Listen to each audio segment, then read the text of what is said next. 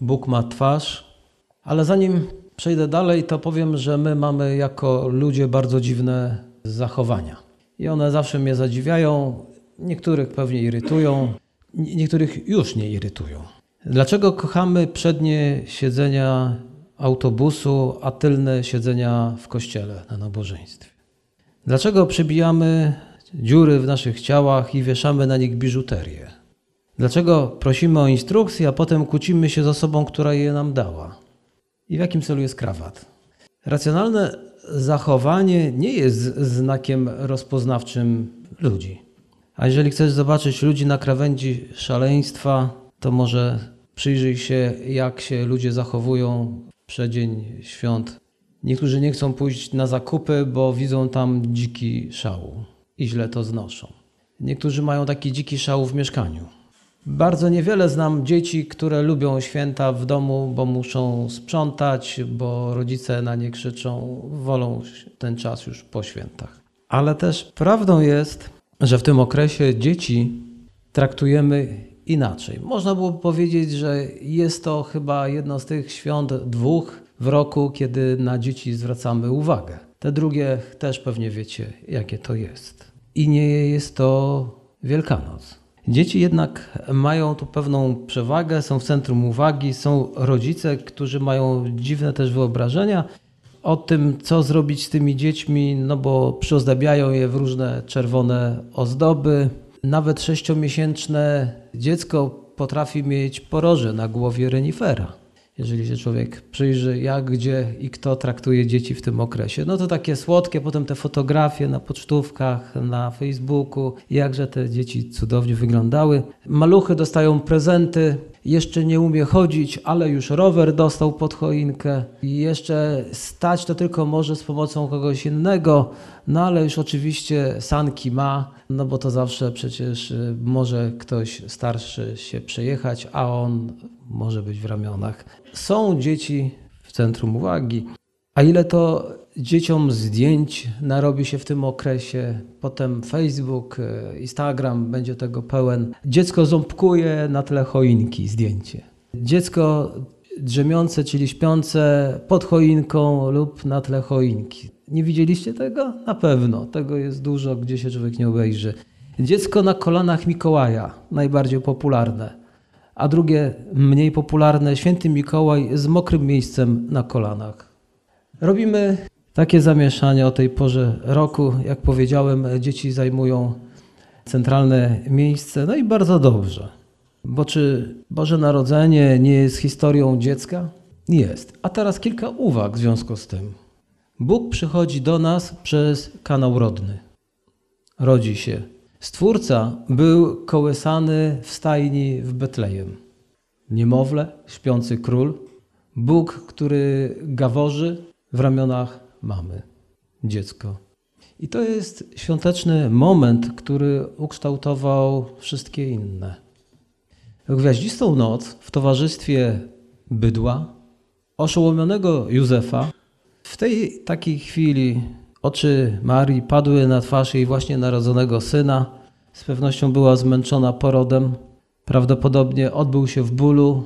W jak wielkim, tego nie wiem. Są osoby, które uczą, że bólu nie było. A teraz gotowa położyć głowę na słomie, sianie, nie wiem co tam było w tej stajni, czego więcej, no i przespać resztę nocy. No ale nie dało się. Najpierw Maria musiała zobaczyć twarz tego nowonarodzonego dziecka, wytrzeć może ślinę z ust, bo niemowlęta się chyba ślinią, jeśli dobrze pamiętam. To dawno było, ale tak, tak, dobrze pamiętam. Poczuć i zobaczyć kształt podbródka i może pierwsze słowa, jakie wypowiedziała, a więc tak wygląda Bóg. Ludzie zawsze zastanawiali się nad obrazem Boga. Społeczeństwa spekulowały, różne grupy, plemiona się nad tym zastanawiały, co widzimy, jeżeli się trochę interesujemy. No i doszliśmy jako ludzkość do różnych wniosków. Bóg został przedstawiony jako złoty cielec, gwałtowny wiatr, wściekły wulkan, nosi skrzydła, zieje ogniem, zjada niemowlęta i domaga się przeróżnych ofiar. Wyobrażaliśmy sobie Boga jako okrutnego, magicznego, kapryśnego i maniakalnego. Boga, którego należy unikać, bać się i przebłagać. Ale pewnie nigdy w wyobrażeniach ludzkości nie mieliśmy, że Bóg wejdzie na świat jako niemowlę. Ewangelia Jana czytamy, pierwszy rozdział, czternasty werset. Słowo stało się ciałem i zamieszkało wśród nas. Słowo nie stało się trąbą powietrzną, ani pożarającym ogniem, ani, i tu jeszcze co możemy coś wstawić, ale stało się pojedynczą komórką, zapłodnioną komórką jajową, embrionem, dzieckiem. Nakarmiło go łożysko, otaczał worek owodniowy, urósł do rozmiarów pięści. Dzisiaj wielu mówi, to nie dziecko. Krzyczą, Mo moje ciało, moja sprawa, wolność kobiety. No bardzo dobrze. A gdzie wolność tej drugiej kobiety? W tym wypadku tu Jezusa. Jego maleńkie serce w pewnym momencie podzieliło się na komory. Bóg stał się ciałem. Jezus przyszedł do naszego świata podobnie jak człowiek. Nie, przyszedł jak człowiek. Przetrwał dojrzewanie, być może pryszcze, nad którymi dzisiaj wielu nastolatków nie może przejść do porządku, upały i być może nieuprzejmych sąsiadów, którzy zawsze narzekają na dzieci. Bóg stał się człowiekiem, jak to niektórzy mówią, aż po końce palców, tak? Bóg, który stworzył gwiazdy, który wylał morza, a mimo to ssał pierś i spał na sianie. Nauczycielka z pewnej to szkoły podstawowej poprosiła swoich uczniów, aby przygotowali listę pytań, które chcieliby zadać młodej Marii. I oto niektóre z nich. Czy możesz uwierzyć, że byłaś w ciąży dla całego świata? Czy bałaś się, że nie wykonasz dobrej pracy? Jakie było pierwsze słowo Jezusa jako niemowlęcia? Czy był piękny? Czy on kiedykolwiek zachorował? Czy Jezus kiedykolwiek źle się zachowywał? Czy Jezus urodził się z włosami? Jakie było jego ulubione jedzenie? Czy czułaś się bardziej święta? Czy on miał kiedykolwiek zwierzaka? Są to dobre pytania, ale my inne sobie zadamy. Dlaczego Bóg wybrał taką podróż? Dlaczego Bóg posunął się tak daleko? Chcę, żebyś wiedział, że Bóg rozumie Cię, jak się czujesz, bo zmierzył się z tym, z czym Ty się spotykasz. Jezus nie był bez kontaktu z rzeczywistością. My dzisiaj często jesteśmy bez kontaktu z rzeczywistością. List do Hebrajczyków, czwarty rozdział, w takim trochę innym tłumaczeniu, tłumaczone z angielskiego. Przeszedł przez słabość i doświadczenia. Doświadczył wszystkiego, wszystkiego oprócz grzechu. Podejdźmy więc do Niego i zdobądźmy to, co jest gotowy nam dać. Przyjmij miłosierdzie, przyjmij pomoc. Skoro wiesz, na podstawie tego, że Bóg Cię rozumie, to możesz śmiało do Niego przyjść. Mi się podoba słowo podejść. Podejść blisko. Przyjść do Boga to dla wielu osób coś bardzo trudnego, z różnych powodów oczywiście. Jedni nie wiedzą, że mogą, no to więc nie przychodzą, bo nauczeni są, że lepiej trzymać się z daleka. My też niektórych ludzi uczymy trzymać się od nas z daleka. I oni też wiedzą, że lepiej do nas nie podchodzić a potem się dziwimy, że ludzie nas omijają. Inni boją się, bo mają obraz, którego lepiej omijać, bo jak człowiek właśnie podejdzie, to zawsze oberwie. Są i niezainteresowani Bogiem, ale dlaczego? Bo oni myślą, że Bóg nie jest zainteresowany nimi. No to jak Bóg nie jest zainteresowany mną, to co ja się będę interesował Bogiem? Dlatego, kiedy idziemy ludziom mówić o Panu Jezusie, powinniśmy między innymi te pytania mieć zawsze w głowie, bo się dziwimy, oni nie chcą słuchać o Panu Jezusie. Albo nie chcą mnie słuchać. Może by Cię posłuchali, tylko nie chcą Cię słuchać, bo myślą, że Pan Bóg się nimi nie interesują więc im przychodzisz mówić o kimś, kto generalnie nie jest zainteresowany nimi. To po co słuchać o kimś, kto nie jest zainteresowany Tobą? Tak jakby ktoś chciał Ci opowiedzieć o Janie Kowalskim. A Ty powiesz, co mnie Jan Kowalski obchodzi? Czy on coś ma do mnie? A może dla mnie? No nie. Dlatego wielu ludzi nie chce słuchać Ciebie, kiedy mówisz im o Bogu. Nie dlatego, że, tylko dlatego, że. Dzięki cudowi Betlejem możesz odpowiedzieć na te fundamentalne pytanie, czy Boga obchodzi, że jestem smutny? Spójrz na twarz Jezusa, który płacze, kiedy stoi przed grobem Łazarza. Masz odpowiedź. Czy Bóg zauważa, kiedy się boję? To zwróć uwagę na determinację w oczach Jezusa, gdy maszeruje po wodzie w czasie burzy, aby uratować swoich uczniów? Czy Bóg wie, że jestem ignorowany lub odrzucany? To znajdź odpowiedź we współczujących oczach Chrystusa, który stoi w obronie cudzołożnej kobiety. O Jezusie czytamy, list do Hebrajczyków, pierwszy rozdział. Ten syn, który jest odblaskiem Jego chwały i odbiciem Jego istoty, podtrzymuje wszystko słowem swej potęgi, a dokonawszy oczyszczenia z grzechów, zasiadł po prawicy majestatu na wysokościach. Co to dla nas oznacza? Jezus promieniuje chwałą samego Boga, powtórzę, Jezus promieniuje chwałą samego Boga i wyraża charakter samego Boga. Dlatego Jezus powiedział słowa, które znamy, to jest Ewangelia Jana, 14 rozdział. Każdy, kto mnie widział, widział Ojca. Jeżeli chcesz spojrzeć na Boga, spójrz na Jezusa. Każdy, kto widział mnie śmiejącego się, widział śmiejącego się Ojca. Każdy, kto widział mnie płaczącego, widział płaczącego Ojca. Każdy, kto mnie widział zaangażowanego w wniesienie pomocy, w uzdrawianie chorych, widział Ojca. Ojciec zaangażowany. Chciałbyś zobaczyć Boga? Spójrz na Jezusa. Coś pięknego się pewnego razu wydarzyło i tym chciałbym się z Wami podzielić. W 1926 roku George Harley założył misję medyczną wśród plemienia Mano w Liberii.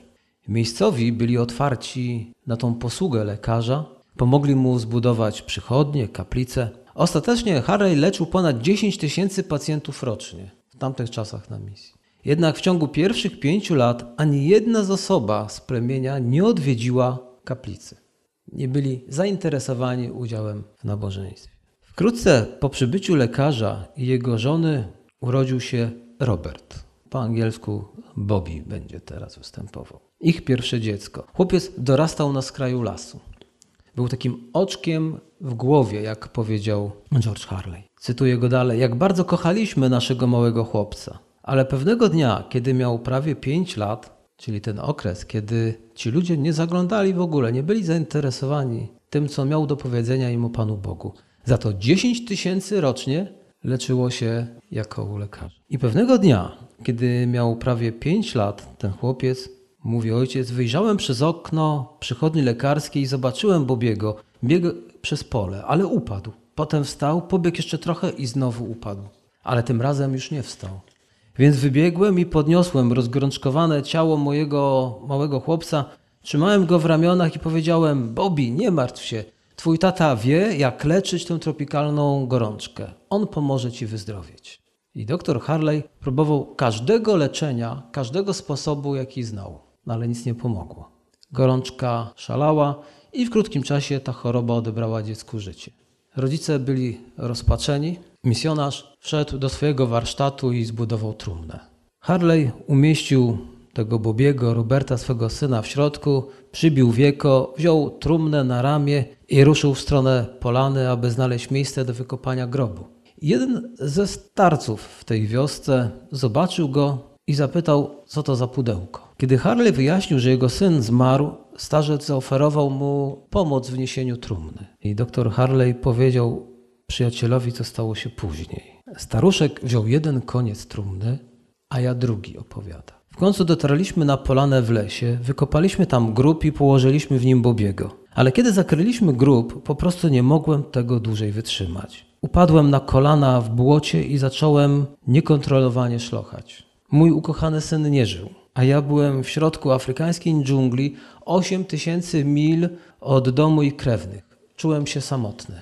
Ale kiedy zacząłem płakać, starzec przekrzywił głowę w oszołomionym zdumieniu. Przykucnął obok mnie i patrzył na mnie tak uważnie. Przez długi czas siedział i słuchał mojego płaczu. Nagle zerwał się na równe nogi i pobiegł ścieżką przez dżunglę, krzycząc raz po raz na cały głos: Biały człowiek, biały człowiek, płacze jak jeden z nas. Tego wieczoru, kiedy Harley i jego żona pogrążyli się w żałobie w swoim domu, rozległo się pukanie do drzwi. Kiedy Harley je otworzył, przed drzwiami stał wóz i prawie każdy mężczyzna, kobieta i dziecko. Wrócili ponownie w następną niedzielę i ci ludzie wypełnili kaplicę po brzegi. Chcieli słyszeć o Jezusie. Wszystko zmieniło się wtedy, kiedy mieszkańcy wioski zobaczyli łzy misjonarza. On jest taki, jak jeden z nas. Wszystko się zmienia, kiedy widzimy oblicze Boga, czyli widzimy, jaki jest Bóg. Bóg przybrał ludzką twarz. Przybrał Twoją twarz, ludzką twarz, w nadziei, że zobaczysz Jego. On też przyszedł ze łzami. Zna ciężar złamanego serca. Zna smutek. Mógł przyjść jako ten grzmiąco gromiący Bóg.